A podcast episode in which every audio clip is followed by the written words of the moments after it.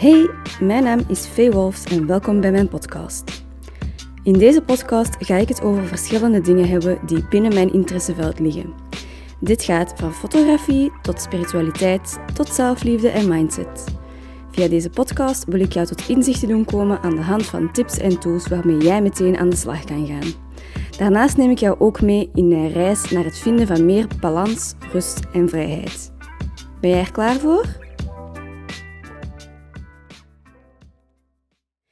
Hallo, hallo en welkom bij alweer een nieuwe podcastaflevering. Ik heb onlangs gevraagd op Instagram uh, om suggesties voor podcastafleveringen, dus wat willen jullie graag horen? En een van die dingen was hoe dat ik een huwelijk aanpak. Welk proces ga ik door voor het huwelijk, na het huwelijk enzovoort. Um, dus ik dacht, ja, dat is goed. ik ga het daar graag eens uh, over hebben. Ik ga daar eens over babbelen. Want ik denk dat dat zowel andere fotografen kan helpen, maar ook potentiële uh, koppels die mij willen boeken als huwelijksfotograaf. Dat dat een beetje een inzicht geeft over hoe dat ik te werk ga. Dus ik dacht, let's do it. Eerst en vooral moeten koppels dus wel tot bij mij komen. En hoe gebeurt dat meestal? Ofwel hebben ze mij gevonden op Instagram, ofwel ben ik aangeraden geweest door een van mijn klanten, ofwel ben ik aangeraden geweest door een andere fotograaf die dat bijvoorbeeld al volledig uh, geboekt was die dag. Of mensen zoeken gewoon op het internet en komen op mijn website terecht. In ieder geval, hoe dat je mij ook hebt gevonden, je moet sowieso naar mijn uh, website gaan, omdat daar een contactformulier staat dat ik graag heb dat je invult, zodat ik al een beetje informatie heb over wie dat jullie zijn en uh, wanneer dat jullie huwelijk is en waarom dat jullie mij willen als fotograaf enzovoort.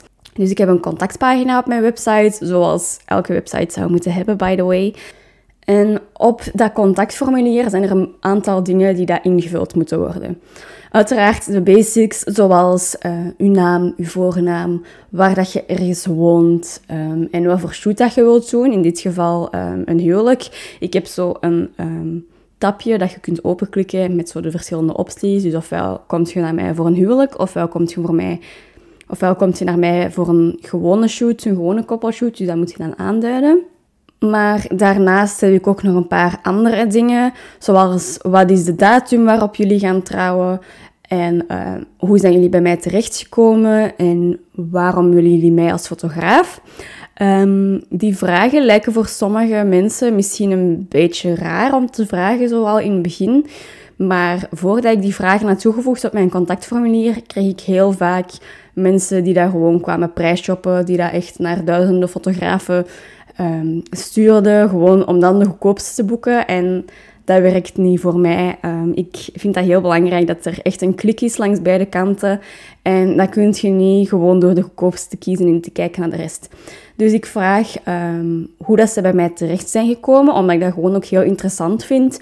En ik, als mensen via andere mensen bij mij terechtkomen, vind ik dat ook leuk om te weten, zodat ik ook die persoon kan bedanken. Want ja, ik wil echt een goede relatie hebben met mijn klanten. En ik vind dat altijd de max als mensen mij aanraden, zowel klanten als mede-fotografen. Um, dus ik wil die mensen ook gewoon kunnen bedanken voor hun tijd, voor hun moeite. En um, mensen appreciëren dat ook. Dus ik zou dat zeker ook aanraden als jij fotograaf bent, om dat ook te doen. Als, mensen, als andere mensen nu aanraden, om gewoon even een kort berichtje te sturen. Dat hoeft helemaal niet lang te zijn, maar gewoon om ja, appreciatie te tonen. Want dat is toch wel heel tof dat mensen dat doen, omdat ze dan ook effectief aantonen dat ze in u geloven.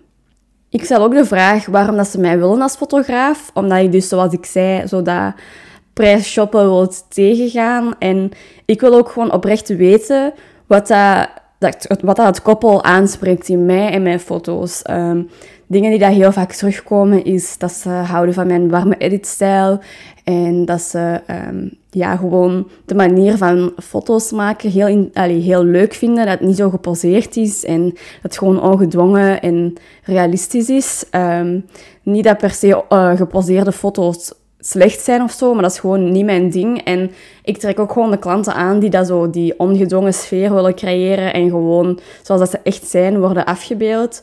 Dus dat zijn ook dingen dat ik heel vaak terugkrijg um, in die vraag en ook in reviews en zo. Um, en dat toont ook gewoon weer aan dat ik de juiste mensen aantrek. Want als, dat, uh, als die vraag heel kort of zelfs niet wordt ingevuld, dan eh, ga ik nog altijd wel verder gaan in het proces. Maar wil ik daar toch wel dieper op ingaan in een latere fase. Want als mensen gewoon het goedkoopste willen, dan ehm, ben ik niet de fotograaf voor hen. Dus mensen vullen dat contactformulier in en dat komt dan terecht in mijn mailbox. Ik lees dan die mail met heel veel plezier en ik doe een klein dansje achter de schermen, omdat ik altijd heel blij word als mensen mij overwegen als hun huwelijksfotograaf.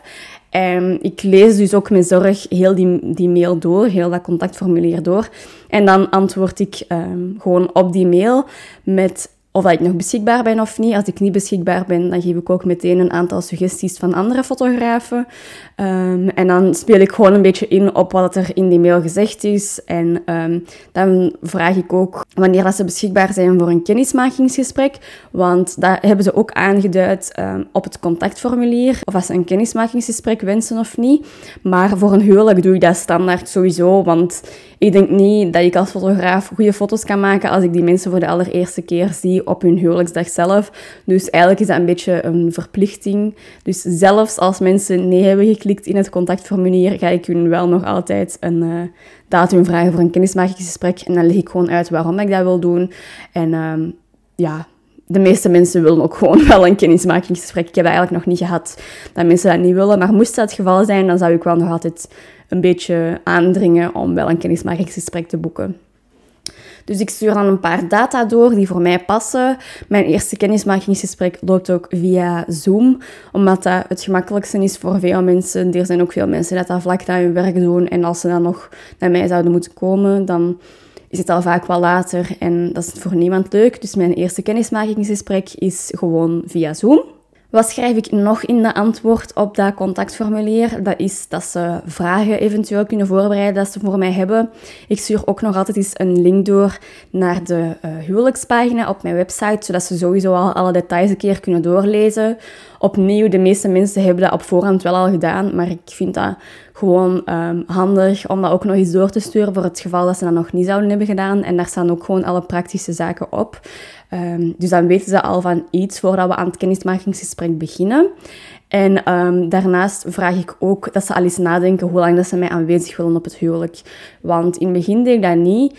En vaak overval ik mensen daar dan mee. En dan weten ze niet zo goed wat ze moeten antwoorden, waardoor het proces gewoon wat langer duurt. En ik wil het uh, mijn koppel zo gemakkelijk mogelijk maken. Dus ik zeg dat gewoon al op voorhand, voordat we het kennismakingsgesprek inplannen, dat ze daar gewoon al eens over nadenken. Nadat ik die mail dan heb gestuurd, krijg ik uiteraard de mail terug met wanneer dat het past voor hun om even kennis te maken. En dan stuur ik hen een Zoom-link door. En uh, dan is het gewoon wachten totdat uh, de dag is van het kennismakingsgesprek. Zo'n kennismakingsgesprek uh, varieert heel hard in tijd. Sommige mensen willen echt gewoon puur zo de praktische dingen snel overlopen en heel weinig daar rond over vertellen. En dan duurt dat soms uh, een half uur, 40 minuten. Maar ik heb ook al kennismakingsgesprekken gehad van twee uur. Daar staat ook geen tijdslimiet op, omdat ik wil dat je op je gemak bent. En ik wil ook wel echt mijn tijd nemen om de vragen te stellen die dat ik belangrijk vind, om genoeg informatie te hebben over jullie dag. Wat vraag ik tijdens zo'n kennismakingsgesprek? Ik begin eigenlijk altijd met mezelf kort voor te stellen als in... Hey, ik ben Vee, ik ben 23 en ik ben een koppelfotograaf. Dus dat wil zeggen dat ik um, zowel love shoots doe als huwelijken. En um, ik ben eigenlijk begonnen als concertfotograaf. En dat maakt mij een goede kandidaat als huwelijksfotograaf, omdat ik gewoon gewend ben om met moeilijke lichtsomstandigheden te werken. Um, en dan, dat is gewoon heel kort wie dat ik ben. Mensen kunnen uiteraard nog vragen stellen als ze dat willen en dan antwoord ik daarop. Uh, maar ik wil het niet te veel over mezelf hebben. En ik vraag dan eigenlijk... De eerste vraag die ik stel is eigenlijk van... Hoe hebben jullie elkaar leren kennen? Wie heeft wie gevraagd? Hoe is het gevraagd geweest? Hoe lang zijn jullie al samen? Um, gewoon persoonlijke vragen om het koppel beter te leren kennen. Mensen vinden dat ook gewoon leuk om over zichzelf te praten. Dat is niet egocentrisch of zo, dat is normaal om zo je geluk te willen delen met andere mensen. En ik vind dat daarnaast ook gewoon heel tof om te horen hoe dat mensen elkaar hebben leren kennen en zo. Want I'm a sucker for love. En de verhalen die ik al heb gehoord, maken mij altijd heel warm van binnen. Dus ik vind dat gewoon heel tof om te horen hoe dat mensen elkaar hebben leren kennen en zo. Dus dat is eigenlijk de eerste vraag dat ik stel, omdat dat uh, een beetje, ja, het ijs breekt of zo. Als in, ik stel geen moeilijke vragen om mee te beginnen en ze mogen zichzelf gewoon even voorstellen. En uh, dat gaat ook gewoon vlot. En dan ga ik wel aan een babbel en ik stel nog wat bijvraagjes afhankelijk van wat ze zeggen. En ja, dat zorgt er gewoon voor dat het gesprek daarna veel gemakkelijker verloopt. Als we even onszelf hebben voorgesteld, dat kan soms echt al een half uur duren, um, dan ga ik in op meer praktische dingen over het huwelijk. Dus ik uh, herhaal nog eens de uh, datum, gewoon voor de zekerheid dat ik uh, niks verkeerd opschrijf. Ik maak trouwens ook notities um, tijdens het kennismakingsgesprek. Ik heb ja, al die vragen die ik stel opgelijst in een soort van Word-template. Dan moet ik ook niet meer nadenken over wat ik moet vragen en zo. Dus dat gewoon mooi opgelijst. En dan maak ik ook notities, omdat ik daar dan later op kan terugkomen als ze mij zouden boeken. Maar daarna ga ik dus dieper in op um, het huwelijk zelf. Dus ik vraag nog eens voor de zekerheid de datum, of ik zeg nog eens de datum. Ik vraag of ze al een locatie hebben, specifiek. En als ze nog geen specifieke locatie geboekt hebben, gewoon in welke regio dat het zich gaat bevinden. Zodat ik al een beetje een idee heb van um, travel time en zo. Ik vraag ook of er een bepaald thema of een bepaalde dresscode is, omdat ik mij daar zelf ook op wil voorbereiden als ik kan. Het is ook niet dat ik uh, speciaal extra kleren ga kopen voor elk huwelijk, als ik dat niet in mijn kast heb hangen. Want als ik dat voor elk huwelijk moet doen, dan ben ik gewoon blut. Um, maar ik probeer daar wel in de mate van het mogelijke rekening mee te houden. Het belangrijkste voor mij is dat ik gewoon comfortabel ben, dat ik laagjes draag voor als het koud of warm is, dat ik laagjes kan uitdoen of terug aan kan doen. Um, dus comfiness is echt het belangrijkste voor mij, maar als ik dingen in mijn kast heb hangen die dat in de dresscode passen, dan doe ik die uiteraard wel aan. Daarna vraag ik of ze al eens hebben kunnen nadenken over hoe lang ze mij aanwezig willen op hun huwelijk. Omdat dat natuurlijk ja, um, verschil maakt op hoeveel dat het huwelijk gaat kosten natuurlijk. Ik zeg ook altijd van wat dat we nu afspreken, dat is niet carved in stone. Um, je kunt het daarna altijd nog aanpassen. Um, dat ik wel gewoon een richtlijn heb. Dus ik vraag of als ze mij erbij willen al bij het klaarmaken. Um, of als ze een first look willen doen. Wat is een first look? Dat is de allereerste keer dat het koppel elkaar ziet. En Oh, ik vind dat altijd een van de mooiste momenten op een huwelijk, omdat er gewoon zoveel emoties naar boven komen langs beide kanten. Dus als mensen um, daar nog niet echt over hebben nagedacht of denken van ik wil dat niet doen, probeer ik dat toch altijd een beetje um, aan te moedigen, omdat ik dat zelf zo leuk vind om dat vast te leggen, omdat daar echt, ja, er komen gewoon zoveel emoties naar boven en ik vind dat echt vaak de prachtigste beelden dat ik heel die dag maak. Um, het is ook niet dat dat per se extra tijd in beslag neemt of zo, want er is sowieso een moment dat je elkaar voor het eerst ziet. Maar als we dat dan zo iets specialer maken, vind ik dat toch altijd leuk. Um, dus ik vraag of ze dat ook willen doen en ik moedig hen daar ook een beetje in aan. Dan um, is meestal het uh, wettelijk huwelijk, waar dat ik wel altijd bijna bij ben. Um, dat is heel kort, maar daar willen de meeste mensen wel foto's van. en dan vaak daarna zijn groepsfoto's. Soms gebeurt dat ook al als de ceremonie gedaan is op een andere locatie. Maar groepsfoto's zijn ook iets dat altijd terugkomen op een huwelijk en dat iedereen ook wil doen. Um, dan vraag ik of dat er een ceremonie is en op welke manier dat die doorgaat. Op welke locatie gaat die ceremonie door? Is dat in een kerk of niet? Um, dat allemaal, zijn allemaal belangrijke dingen, ook gewoon in functie van flitsen, of ik dat wel of niet mag doen, omdat ik dan nog eens kan horen als het bijvoorbeeld in een kerk is, of ik dat mag doen daar van de pastoor. Um, dus zo van die dingen vraag ik dan. En dan het diner, daar ben ik vaak ook aanwezig. En zoals ik zei, ofwel gebeuren de groepsfoto's na de ceremonie, ofwel na het wettelijk huwelijk. Soms als dat een lang diner is, wordt dat ook tussen bepaalde gangen gedaan. Um, maar ja, dat is dus ook iets. En dan het volgende deel is het feest met de, het aansnijden van de, taart en uh, de opening dance. Um, dus dat zijn zo allemaal dingen waar ik bij kan zijn. En ik vraag dan wat dat zij het belangrijkste vinden waar dat ik bij ben. En dan dat te vertalen in een aantal uur waarop dat ik aanwezig ben. Uiteraard wil ik ook een gewone koppelshoot doen, ergens in die dag. Dat is heel afhankelijk van huwelijk tot huwelijk, uh, op welk moment van de dag dat, dat gebeurt. Maar ik zeg wel altijd dat ik dat uh, niet s'avonds laat wil doen, want dan is het te donker. Um, en dat ik daar toch wel minstens een uur voor wil uitrekenen, omdat dat is gewoon even een momentje dat ik en het koppel even apart gaan. En ze zijn, dat is meestal ook na de wettelijke trouw, dus die stress is er zo al vanaf. En dat ze gewoon even samen kunnen zijn met hun twee. En dat dat gewoon echt zo een momentje is dat ze echt kunnen herinneren. Dus ik zeg ook altijd van, ik wil daar zeker een uur voor uitrekenen. Dat we niet op onze klok moeten kijken en dat we het gewoon op ons gemak kunnen doen. Dus um, ja, dat kiest het koppel wanneer dat, uh, wanneer dat, dat gebeurt op de dag. De meeste Allee, ik heb nog geen enkel koppel gehad die daar geen shoot wil doen. Dus dat gebeurt gewoon ergens in de dag. En het koppel hoeft ook nu nog niet te zeggen wanneer dat, ongeveer zou zijn. Maar ik wil wel gewoon meegeven dat het minstens een uur moet zijn, zodat ze dat kunnen meenemen als ze hun draaiboek of hun planning maken van hun huwelijksdag.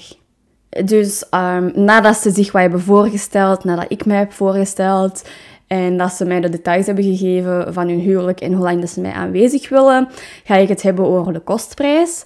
Um, bij mij is het momenteel op dit moment uh, eh, 1600 euro voor 6 uur aanwezigheid. En voor elk extra uur dat ik aanwezig ben, uh, reken ik 125 euro aan. Ik werk persoonlijk niet met pakketten. Ik deed dat vroeger, maar dat werkte niet zo goed, omdat dat dan bijvoorbeeld zo 6, 8 en 12 uur is. En um, sommige huwelijken passen gewoon niet in een pakket. Dus um, reken ik gewoon vanaf 6 uur en dan elk extra uur aan. Zo is dat ook gemakkelijk als ze um, op de dag zelf, als bijvoorbeeld alles wat uitloopt en ik ben een uur langer aanwezig, dat er gewoon ook al van in het begin duidelijk is hoeveel dat hun dat extra gaat kosten en dat ze niet voor verrassingen gaan staan. Of als ze later nog beslissen, voordat ze trouwen, om mij langer aanwezig te laten of zo, dan weten ze ook gewoon wat dat ze kunnen verwachten financieel. Want uiteraard is dat wel een, ehm, een groot punt in uw beslissing van fotograaf, want je hebt een bepaald budget en als dat budget het niet toelaat om nog meer uur te boeken, dan gaat dat ook gewoon niet en ik neem dat ook niemand kwalijk. Naast gewoon mijn normale prijs um, van die 1600 euro en 125 euro per uur, reken ik ook vervoerskosten aan. En dat is momenteel 35 cent per kilometer. Um, dat is ongeveer de standaard bij iedereen momenteel. Dus um, ja, ik ga niet tot in Chagamaka rijden gratis. Dus ja, ik reken dat uiteraard ook gewoon door. En iedereen snapt dat ook gewoon wel. Want het is niet enkel de benzine, maar ook de slijtage van mijn auto en gewoon de tijd dat erin kruidt. Dus um, ja, de meeste mensen allee, verstaan dat ook gewoon. Dus daar is nog nooit echt een probleem van gemaakt. In die prijs is niet gewoon fotograferen dat er inbegrepen zit. Nee, ik uh, geef ook een mini-album van um, de love shoot dat ze hebben gedaan die dag.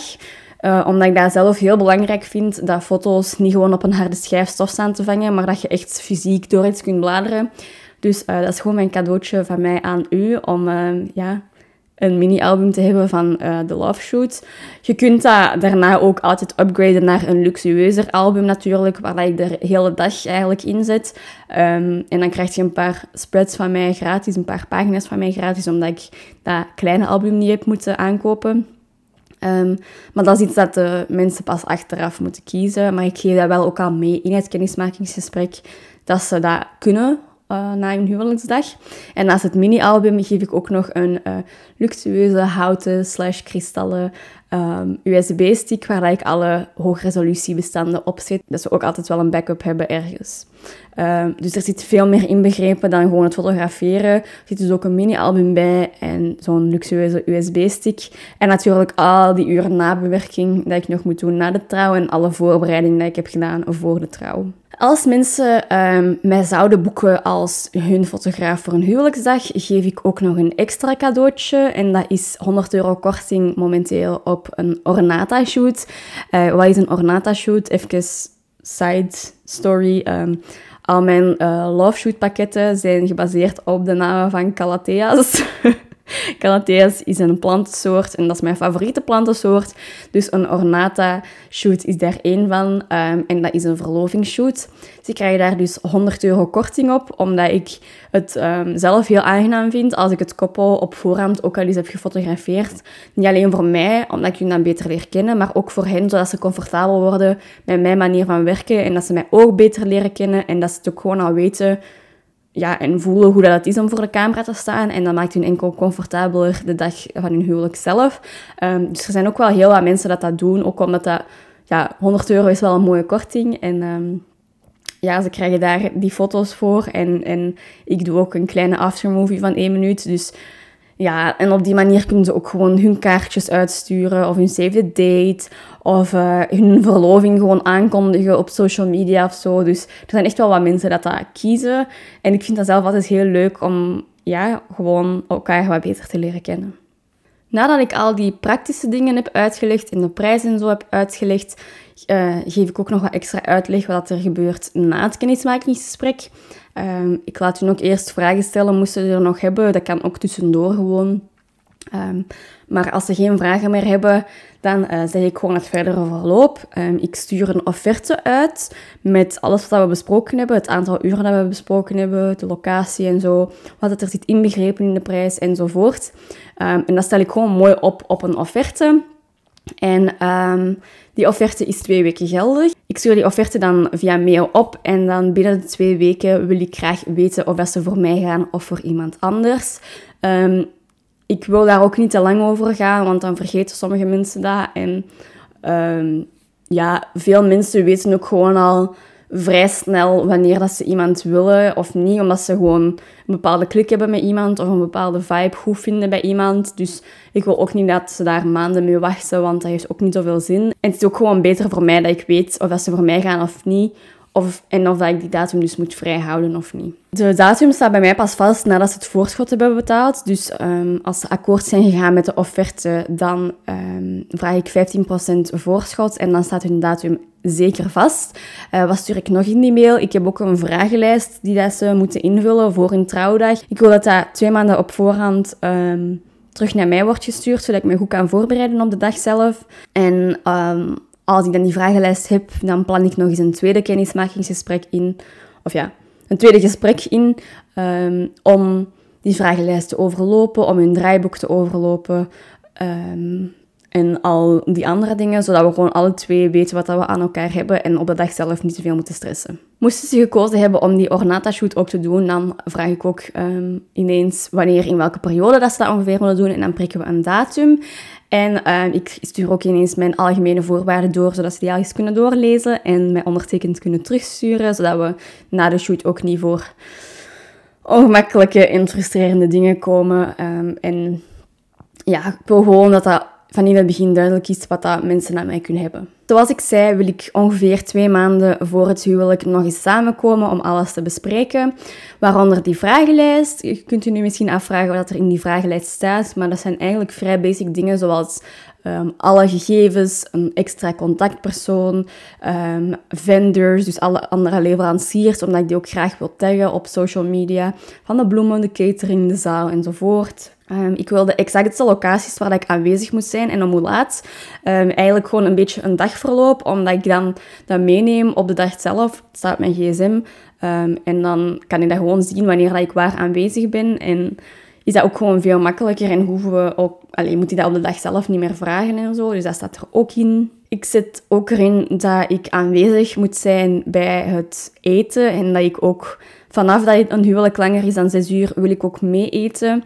Dat ben ik vergeten te zeggen, maar dat zeg ik eigenlijk meestal ook tijdens het kennismakingsgesprek, omdat ik vegan ben en omdat ze dat dan kunnen meegeven aan de cateraar dat er vegan eten voorzien moet worden. Dus dat is ook iets dat ik nog meegeef in het kennismakingsgesprek. Maar in de vragenlijst staat dat dus ook nog eens uh, duidelijk vermeld dat ik dus echt wel aanwezig ben uh, tijdens het eten en dat ik dan ook even een rustmomentje heb, want ik sta voor de rest van de dag heel tijd op mijn benen en ik verdien ook een beetje rust. Iedereen heeft daar ook altijd begrip voor, dus dat is altijd wel fijn. Nog een heel belangrijke dat in de vragenlijst staat, zijn de opstellingen voor de groepsfoto's en iemand die daar de mensen bijeen gaat roepen. Want ja, ik ken natuurlijk niet het koppel, hun hele familie, dus het is altijd handig als er iemand um, iedereen roept en dat de groepsfoto's niet te lang hoeven te duren en dat dat gewoon vlotjes gaat. Daarnaast vraag ik ook of er bepaalde dingen zijn waar ik rekening mee moet houden, zoals bijvoorbeeld scheidingen, dat ik niet zo ongemakkelijk vraag om mama en papa samen uh, op de foto te laten staan, terwijl die eigenlijk gescheiden zijn en ondertussen een nieuwe vriend of vriendin hebben of ondertussen al opnieuw getrouwd zijn.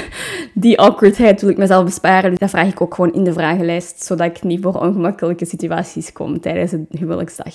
En als laatste vraag ik ook of ze op huwelijksreis gaan en naar waar, zodat ik dat uh, ook gewoon weet. En dan uh, kan ik hun op het einde van de dag ook gewoon veel plezier wensen om naar bla bla bla te gaan. Na al die voorbereiding daarvoor is eindelijk de huwelijksdag aangebroken en dan rest er eigenlijk heel weinig nog van mij, voor mij om te doen, behalve het fotograferen, omdat ik mezelf goed heb voorbereid op uh, de dag zelf. Ik heb ook um, de belangrijke dingen opgelijst en die staan op mijn gsm, zodat ik daar altijd naar kan teruggrijpen.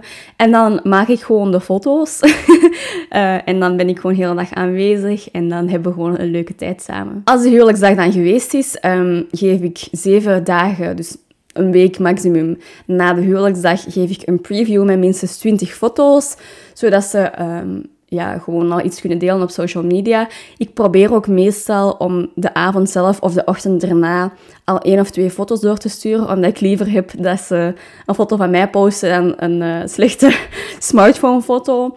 Dus ik probeer dat te doen, maar dat lukt niet altijd. Dus ik zeg gewoon, je krijgt een preview van 20 beelden minimum um, uh, een week na het huwelijk. En dan geef ik een uh, aflevertermijn van zes weken voor de vo volledige galerij. Dus na zes weken hebben ze alle foto's. Um, en dan kunnen ze eigenlijk beslissen of ze een, uh, gewoon het mini-album willen dat er inbegrepen was, of of dat ze wel willen upgraden naar een uh, groter, luxueuzer album. En dan ga je daarmee aan de slag. Dan bestel ik het album, maak ik het album op, bestel ik het album, zet ik alle foto's op de USB-stick enzovoort. Um, als ik het album maak, uh, stuur ik dat ook gewoon één keer door naar het koppel, zodat ze kunnen kijken of ze het goed vinden. En ik doe één aanpassing als ze dat willen. Allee, ik pas het één keer aan, omdat ja, ik wil toch wel iets van um, input van hen, maar ik wil dat ook geen twintig keer opnieuw doen, omdat daar best wel veel tijd in kruipt in het maken van zo'n album. Maar op die manier hebben, heeft het koppel toch een beetje inspraak gekregen. En dan bestel ik dus het album en dan komt dat bij mij toe en dan pak ik dat heel mooi in samen met de USB-stick en dan stuur ik dat op naar het koppel of ga ik het zelf afleveren als het uh, niet te ver weg is van mij. En dan is iedereen gewoon gelukkig. de galerij krijgen ze ook nog behalve op de USB-stick op een persoonlijke online galerij. En daar kunnen ze gewoon alles downloaden, kunnen ze dat delen met hun vrienden en familie. En um, is iedereen gewoon gelukkig. Voilà, dat is hoe dat ik een huwelijk aanpak. Je ziet dat er veel meer bij komt kijken dan gewoon de dag zelf. De voorbereiding neemt echt heel veel tijd in beslag, omdat ik twee keer een gesprek heb en omdat ik die vragenlijst moet overlopen en mezelf moet voorbereiden en zo. En dan de dag zelf heb ik veel werk met het foto's maken. En dan daarna heb ik nog eens heel veel werk om uh, de foto's te bewerken en om het album te bestellen en om het op te sturen en zo. Dus ik hoop dat dat ook een beetje meer de prijs verklaart, dat er gewoon veel meer bij komt kijken. Ik um, vind dat heel leuk om dat allemaal te doen, dus dat voelt niet als werken voor mij, maar er kruipt echt wel heel wat uur in um, zo'n huwelijk. Dus um, vandaar dat een uh, huwelijk dat prijskaarsje heeft. Ik hoop dat je hiermee uh, geholpen bent. Als je een uh, fotograaf bent, dat je een beetje inzicht hebt gekregen hoe dat ik het aanpak. En als je een verloofd bent en een potentieel koppel bent dat wil boeken als huwelijksfotograaf, dat je ook al wat inzicht krijgt in hoe dat alles verloopt. Um, dat wil niet zeggen, omdat je deze podcast hebt geluisterd, dat je geen kennismakingsgesprek weer moet uh, aanvragen, want I'm still gonna do it. Maar uh, er gaat dan waarschijnlijk wel redelijk veel herhaling vallen um, als je dit al hebt geluisterd. Maar Herhaling is oké, want dan weet je zeker hoe dat allemaal te werk gaat. Voilà, dat was het dan alweer voor vandaag. Ik hoop dat je er wat aan hebt gehad en dan zie ik u of hoor ik u weer in een volgende aflevering. Dag!